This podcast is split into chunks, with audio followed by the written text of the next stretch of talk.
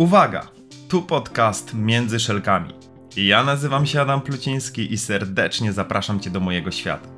To miejsce, w którym usłyszysz o wielu błędach, jakie w ostatnich kilkunastu latach popełniłem w sprzedaży, co kosztowało mnie w sumie ładnych parę milionów. I o tym, jak cały czas uczę się na błędach zarządzać zespołami. Zebrałem doświadczenie z setek firm, osób w nich zarządzających i tysięcy handlowców, z którymi przez większość mojego życia zawodowego miałem przyjemność pracować, wspierając ich w rozwoju. Jeżeli na co dzień zajmujesz się sprzedażą lub zarządzasz zespołem, to ten podcast jest właśnie dla Ciebie. Zapnij pasy, usiądź w fotelu lub połóż się wygodnie i wykorzystaj ten czas, bo to Twój czas na rozwój. Zapraszam Cię serdecznie, Adam Pluciński. Odcinek piąty. Jak zbudować lojalność współczesnych klientów? Cześć, witajcie, dzień dobry. W dzisiejszym odcinku skupimy się na tym, jak zbudować lojalność współczesnego klienta. Rynek dość mocno się zmienia. Klienci mają coraz większy wybór. Nie tylko w kraju, ale też na rynkach zagranicznych, bo mają dostęp do online'u, do internetu, do różnego typu platform zakupowych. Co więcej, firmy przeznaczają olbrzymie budżety na to, aby przyciągnąć klientów właśnie na swoją stronę i sprawdzić, by długo na niej pozostali. Dlatego też prowadząc swój biznes, sprzedając, handlując na co dzień, czy też zarządzając działem sprzedaży, musimy skupić się właśnie na budowaniu tej lojalności. Zapraszam Was serdecznie do tego, żeby odsłuchać merytoryczną część odcinka, jak zbudować lojalność współczesnego klienta. Dziś odcinek rozpocznę od pytania. Jak wielu lojalnych klientów, drogi słuchaczu, masz u siebie w firmie? Jeżeli jesteś handlowcem, to ilu klientów po prostu lojalnie zamawia u ciebie, czy też zwiększa swój koszyk zakupowy? Jeżeli zarządzasz firmą, to ilu z tych wszystkich klientów, których obsługujecie e, i którzy są w waszym portfelu, lojalnie u was zamawiają każdego dnia? Rynek dość mocno się zmienił. Klienci mają dostęp do szeregu informacji, do szeregu platform, które e, mogą porównać sobie ceny. E, jest to dużo łatwiejsze i prostsze niż jeszcze kilka lat wcześniej. Ja jestem po dwóch stronach. Jestem klientem B2C, jestem klientem B2B, czyli w związku z tym, że prowadzę firmę, to trafiają mi do mnie firmy i handlowcy z różnych organizacji. Jako klient indywidualnie również robię zakupy róż na różnych platformach czy też w różnych miejscach. No i teraz moje doświadczenie w związku z tym jest następujące, że tak naprawdę firmy budzą się czy przypominają sobie o mnie w momencie, gdy albo chcę zrezygnować z usługi, albo moje zakupy w danej organizacji stają się, e, stają się coraz mniejsze, lub po prostu jak przez długi, długi czas e, byłem nieaktywnym klientem. Mam pewne podejrzenie, słuchaczu, e, który jesteś tutaj ze mną po drugiej stronie odbiornika, że jeśli słuchasz tego odcinka i postanowiłeś zainwestować swój czas, mogą być tego dwa powody.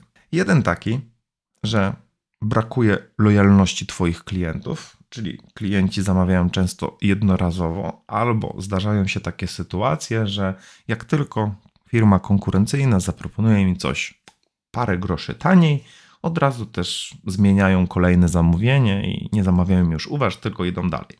Drugi powód, dla którego może tutaj być, to że szukasz konkretnych wskazówek do tego, co zrobić, żeby zwiększyć ilość lojalnych klientów u siebie w firmie, czy też w swoim portfelu, który pozyskujesz na co dzień. Postaram się odpowiedzieć na to pytanie ośmioma wskazówkami, więc mam takich osiem konkretnych wskazówek do tego, w jaki sposób możemy podziałać, jakie możemy działania podjąć, żeby tych lojalnych klientów utrzymać u siebie. No i teraz tak. Jedna ważna rzecz. Jak już pewnie wiesz, bo miałeś okazję obejrzeć pierwszy odcinek, e, jestem wyznawcą zero bullshitu, takiej teorii, którą kiedyś stworzyłem, co oznacza, że ja nie dam wam złotych zasad, które zawsze i wszędzie będą działały i, i tylko one będą tym kierunkiem, który, drogowskazem, który powinniście wybrać. Ja bardziej dam Wam te wskazówki, żebyście się zastanowili, jak możecie przełożyć je do swoich organizacji. I trochę niezależnie od tego, czy y, handlujecie z klientem indywidualnym w kontekście B2C, czy z klientem biznesowym, chodzi o to, że te wskazówki możecie wykorzystać na różne sposoby lub przekształcić je w taką formułę, żeby one w Waszej organizacji i dla Waszych klientów były realnie możliwe do wdrożenia, a co więcej, z mojej perspektywy, bezkosztowe, czyli nie chodzi o to też, żeby inwestować nie wiadomo jak wielkie środki. Można to zrobić bez dwóch zdań. Natomiast czasami zapominamy o takich bardzo podstawowych rzeczach. Zatem do konkretu. Co zatem firma, handlowiec może zrobić, aby budować lojalność klienta, zanim będzie za późno? No bo odejdzie do konkurencji albo po prostu przestanie kupować. Wskazówka numer jeden. Zadzwoń lub napisz do klienta bez przyczyny. Co to oznacza? Nie ma to być kontakt, który e, ma za zadanie podjąć próbę sprzedażową lub zainteresować klienta nowym produktem, ale chodzi tylko o zwykły telefon czy też e-mail z pytaniem o to, w jaki sposób produkt czy też usługa, którą sprzedałeś temu klientowi, u niego się sprawuje. Na ile on jest zadowolony. Chodzi o to, żeby dopytać o jego satysfakcję związaną z użytkowaniem tego produktu. No i teraz, słuchajcie, z takiego mojego doświadczenia, dobra, oczywiście, mm, wiele powodów na to, dlaczego tego nie jestem w stanie zrobić. E, nie mam zasobów, nie mam czasu, a jedna z najlepszych odpowiedzi, którą słyszę, kiedy proponuję takie działania e, moim klientom, to to, że lepiej nie dzwonić, bo jeszcze się okaże, że coś jest nie tak. No i ja nie ukrywam, że dość mocno takie podejście mnie śmieszy, ale z bardzo prostej przyczyny. Jak możemy nie kontaktować się z klientem z obawą, że on złoży reklamację albo powie, że coś nie było ok w kontekście całego procesu? Jeżeli on z tego procesu z jakiegokolwiek powodu, czy też produktu jest niezadowolony, to oznacza, że tak naprawdę on drugi raz już u Was nie kupi. On nie będzie lojalnym klientem. Jeżeli my po zakończonym procesie sprzedaży nie pozwalamy sobie na to, żeby zadzwonić do tego klienta, to jest to ogromny błąd. Co więcej, taki telefon może wygenerować, drogi słuchaczu, tobie kolejną nieprzewidzianą sprzedaż. Czyli to oznacza, że ty nie musiałeś aktywnie w trakcie tego telefonu nic więcej robić, ale po prostu sam telefon może wygenerować tobie kolejne zamówienie czy kolejne zapytanie ze strony klienta, mimo tego, że ty sam aktywnie tego klienta nie pozyskiwałeś. Więc wskazówka numer jeden: zadzwoń lub napisz do klienta bez przyczyny. Idziemy do wskazówki numer dwa, czyli do punktu numer dwa. Daj znać klientowi, że zależy ci na jego opinii. Standardowe badania jakości tak naprawdę nie działają. To znaczy, z mojej perspektywy, wszystkie NPS-y, inne rzeczy, które to robimy, jesteśmy w ogóle jako klienci zasypywani nimi. Nie? Dostajemy SMS-y, voicemaile, e, poczty, które, czy automaty, które do nas dzwonią i pytają o opinię. Dostajemy szereg maili, nie wiem, zamawiając na jakiejkolwiek platformie zakupowej, no to jesteśmy spamowani dosłownie tym wszystkim. No i oczywiście część klientów gdzieś się wypowiada. Oczywiście, e, co, co więcej, jeżeli coś poszło nie tak, no to wtedy są bardziej skorzy, natomiast one bardzo często nie dają nam pełnego obrazu. W ogóle te kontakty z klientem, o których mówiliśmy sobie we wskazówce numer jeden, są bardzo ważne. Chodzi o to, żebyśmy mówili o tym klientowi w trakcie tych rozmów. Słuchaj, kliencie, chcę dowiedzieć się czegoś więcej. Powiedz mi w ogóle, jak przebiegł ten proces z Twojego punktu widzenia, bo chciałbym znaleźć pewne rozwiązania, które usprawnią jeszcze całą obsługę klienci chętnie dzielą się takimi informacjami. Jeżeli po prostu po ludzku, jak człowiek, zapytamy ich o to, jesteśmy w stanie wyciągnąć bardzo dużo wniosków i dużo wiedzy, które mogą poprawić nasze procesy, procedury, czy wdrożyć pewne rzeczy, które będą działały jeszcze lepiej. To, co jest jeszcze ważne w kontekście tych standardowych badań jakości, ja już pomijam część firm, bo nie chcę generalizować, ale chodzi o to, że jak już dostajemy nawet te odpowiedzi, to niewiele firm cokolwiek z tym robi. E, jeżeli mój kontakt z klientem w formule oczywiście telefonicznej, ja bym polecał dużo bardziej niż mailowej, ale oczywiście wszystko zależy od skali, czy też od wolumenu, wartości danego produktu, nie? No, który mamy, bo jeżeli sprzedajemy kilka kilkanaście albo kilkadziesiąt tysięcy produktów, e, czy tylu też klientów mamy w ciągu, e, w ciągu miesiąca, no to trudno byłoby nam do każdego z nich e, osobiście zadzwonić i o to zapytać. Ale chodzi o to, że nie robimy nic z tymi informacjami i z tymi danymi. Chodzi o to, że nawet jeżeli zadzwonimy, to ważne jest, żeby te informacje zbierać i na ich podstawie wdrażać konkretne działania czy też zachowania. Więc wskazówka numer dwa daj znać klientowi, że zależy Ci na jego opinii. Lecimy do wskazówki numer 3, do punktu numer 3, czyli zaproś swojego klienta. Co mam tutaj na myśli? Żeby budować tą lojalność, możemy poprosić klienta o to, aby podzielił się w ogóle swoimi doświadczeniami, na przykład w mediach społecznościowych, żeby wystawił nam tą opinię na Google. W zależności od tego, czy świadczymy usługi, czy dajemy różnego typu produkty, chodzi też o to, że jeżeli klient jest zadowolony z naszej usługi, no to możemy zaktywizować go do tego, żeby jeszcze kilka dobrych słów na ten temat powiedział. My czasami się boimy w ogóle o to pytać klientów, pytać ludzi w ogóle o to, słuchaj, mam prośbę. Będzie dla mnie bardzo ważne to, jeżeli postanowisz podzielić się swoją opinią na temat mojego produktu, bo to bardzo mi pomoże. Nie wiem, z czego to wynika, słuchajcie, że mamy taką obawę. Myślę trochę z pewnej mentalności, z innych rzeczy, albo to przecież ja się nie będę prosił. Co się może najgorszego stać? klient może powiedzieć nie, albo może powiedzieć tak i nic więcej z tym nie zrobić. Ale jeżeli to zrobi, to okazuje się, że oprócz tego, że angażujemy go w pewien proces, czyli znowu przypominamy mu, drogi kliencie, kupiłeś u nas dobrą usługę, jesteś z niej zadowolony, to jednocześnie uzyskuje bardzo konkretny efekt tak zwanej darmowej reklamy, czyli tego, że inni klienci dowiedzą się o tym, a jak dobrze wiemy, kwestia rekomendacji jest jedną z ważnych, jest jednym z ważnych aspektów. Tak, możemy spojrzeć nawet to z perspektywy społecznego dowodu słuszności, no bo jeżeli wielu ludzi poleca moje produkty, czy też jest zadowolona, to oznacza, że warto to kupić. Ok, czyli wracając, wskazówka numer 3, zaproś swojego klienta. Lecimy do punktu numer 4. Pamiętaj o niezobowiązującej niespodziance. Chodzi o to, że lubimy niespodzianki.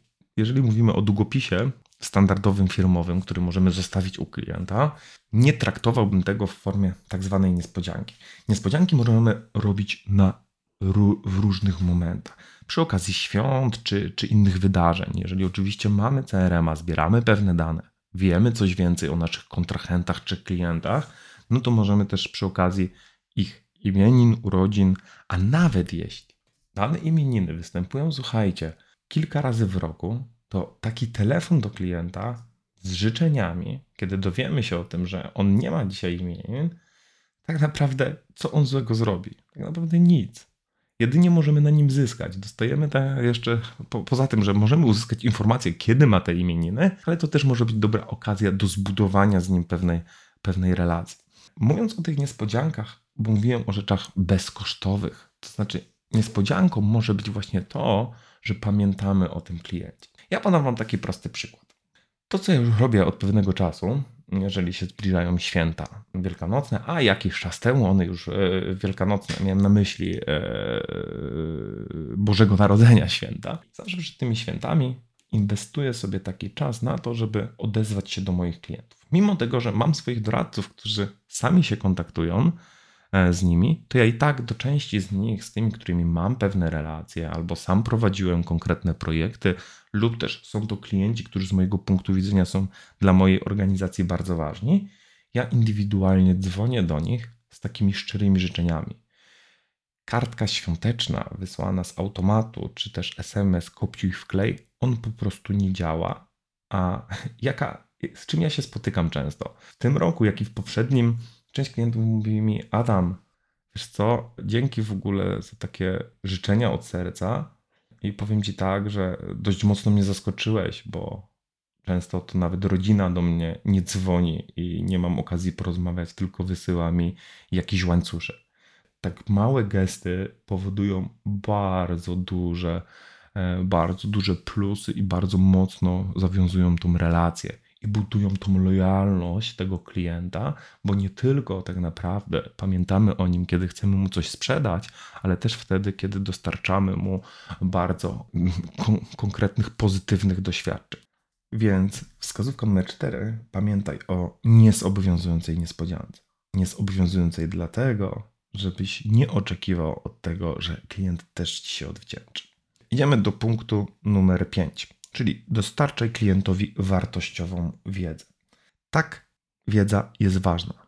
Wiedza tak naprawdę jest dostępna od ręki, jest jej pełno i często jest, nie wiem, niesprawdzona i niezweryfikowana. Jeżeli jesteś ekspertem w swojej dziedzinie i możesz wesprzeć swojego klienta i dostarczyć mu pewnych informacji, które pozwolą mu lepiej prowadzić swój biznes, efektywniej wykorzystywać to, Twoje produkty, usługi, ale nawet niekoniecznie Twoje. Chodzi o to, żebyś podpowiedział mu trochę w biznesie, dostarczył mu pewnej wiedzy, czyli czegoś, czego nie wie. Ludzie bardzo mocno sobie to cenią. Ja bardzo często też e, dostarczam tej wiedzy swoim klientom w zakresach nawet projektów, których my dla nich nie realizujemy. Podpowiadam pewne kierunki lub czasami tą wiedzą jest przekazanie kontaktu do kogoś, czy polecenie jakiejś firmy, czy polecenie jakiejś osoby, która w danym temacie może pomóc temu klientowi. Każdy boryka się z szeregiem wyzwań i problemów w firmie czy też organizacji.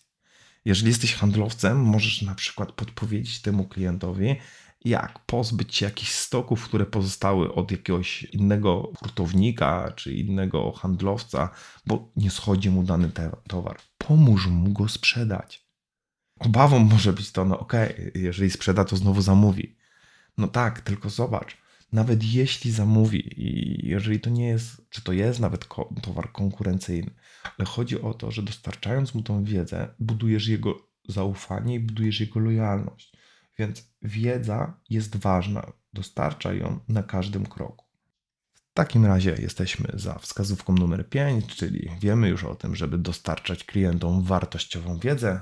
Idziemy w takim razie do wskazówki numer 6, czyli dbaj o pozytywne doświadczenia klientów, tak zwane piękne angielskie customer experience. Chodzi o to, żebyś na bieżąco po prostu weryfikował swoje procesy i procedury. To klient najczęściej się z nimi spotyka, nie ty. Słuchajcie, ja popełniłem szereg takich błędów, no bo pewne procesy, które mamy, czy też procedury w firmie, jakby z mojego punktu widzenia wyglądają idealnie, nie? czyli one są super, one e, nie ma lepszych, nie? czyli pewien standard, który gdzieś sobie ustalamy na kontakt z klientami, na pewne działania, czy na formę całego przeprowadzenia tego klienta od A do Z, on z mojego punktu widzenia idealny. Tylko to jest jeden z największych błędów. Ja nie jestem odbiorcą tego procesu. Więc to nie ja weryfikuję, czy klientowi wygodnie idzie się z tą ścieżką. Doświadczenia Twoich klientów i zbieranie ich i, i jakby wdrażanie pewnych zmian musi odbywać się na podstawie tego, co odzyskujecie od Twoich klientów. Oczywiście chodzi o to, żeby aktualizować je w miarę możliwości, tak aby ta cała, ten cały proces sprzedaży, przez który przeprowadzasz tego klienta, czy doświadczenia na etapie posprzedażowym, obsługowym, reklamacyjnym, bo pamiętajcie, sprzedaż to nie tylko moment, w którym ja sprzedaję, klient mi płaci i kupuje, to też jest ten moment, w którym tak naprawdę klient spotyka się z jakimś problemem. I teraz jego doświadczenia związane na każdym etapie, czy też z pracownikiem magazynu, mają ogromne znaczenie. To, z czym też spotkałem się jako klient, to jak dostałem kiedyś przesyłkę, która opóźniła się o 1-2 dni, samej przesyłce była informacja, gdzie podpisał się magazynier, który powiedział: Drogi kliencie, bardzo pana przepraszam. Mieliśmy tyle roboty na magazynie, że się nie próbowałem.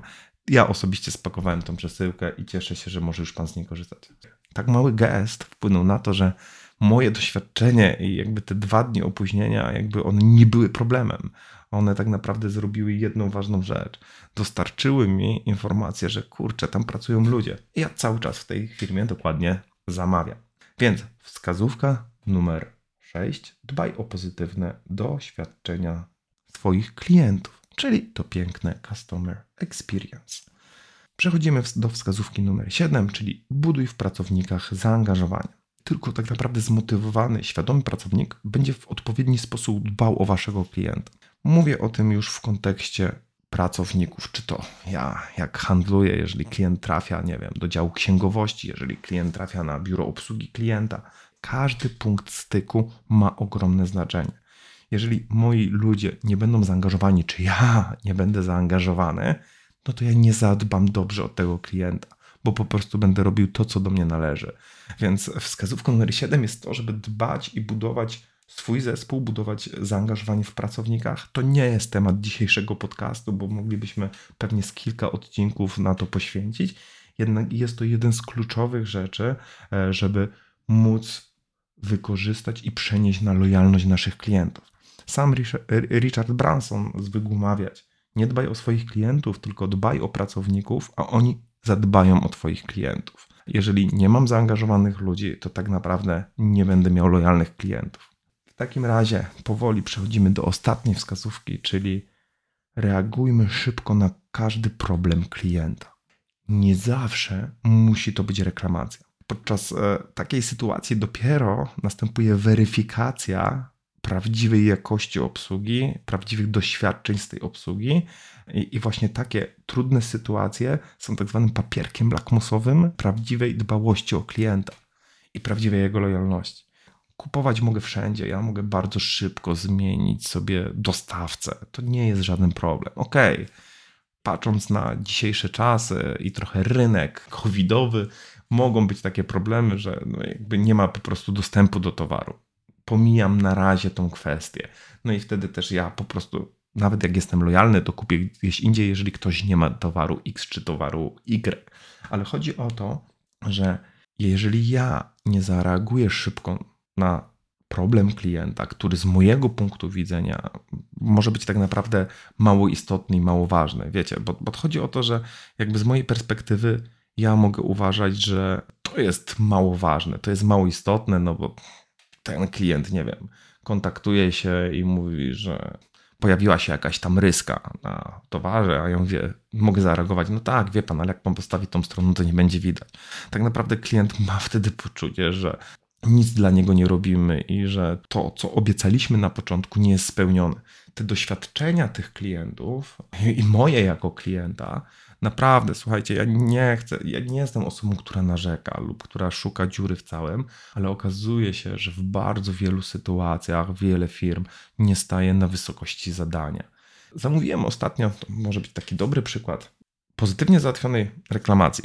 Zamówiłem przedmioty szklane. No I okazało się, że przyszła ta jeszcze przed świętami, był to prezent dla, dla, dla, dla mojego taty.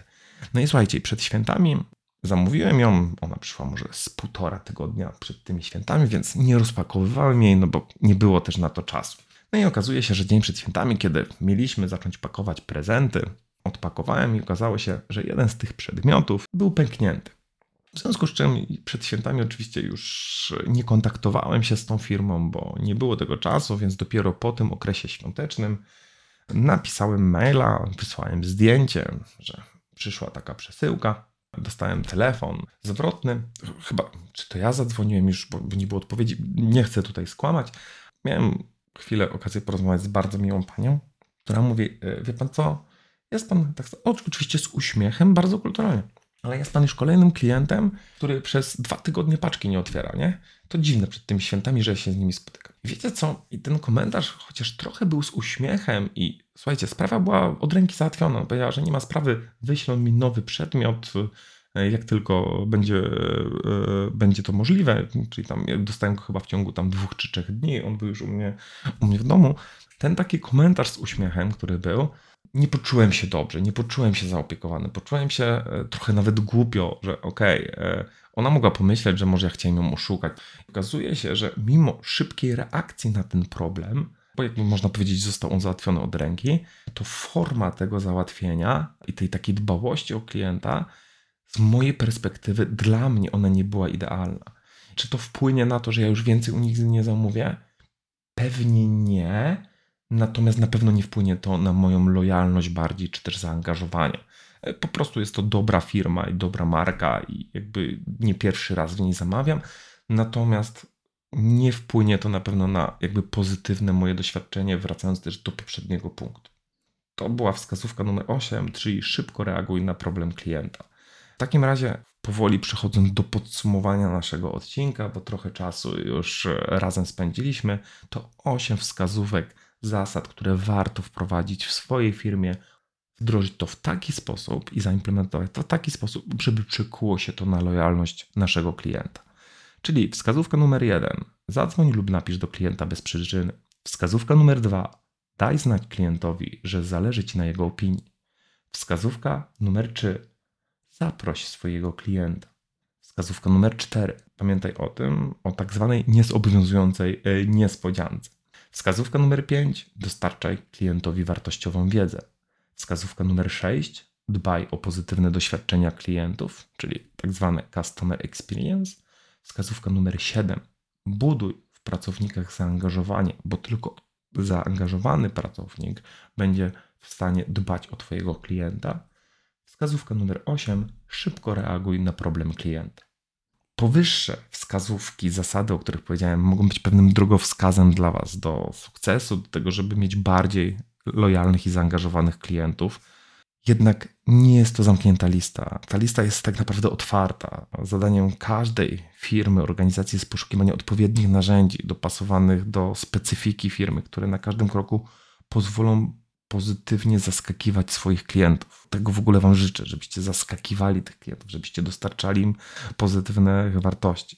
Mówiąc o tym, że nie jest to zamknięta lista, jeżeli chcecie podzielić się swoimi informacjami, swoimi doświadczeniami, zbudowania lojalności tych klientów, to zapraszam Was bardzo serdecznie do skomentowania, zapisania tych informacji, które jeszcze, jakie punkty do tej listy moglibyśmy dodać. Z mojej strony, w kontekście dzisiejszego odcinka, to już wszystko.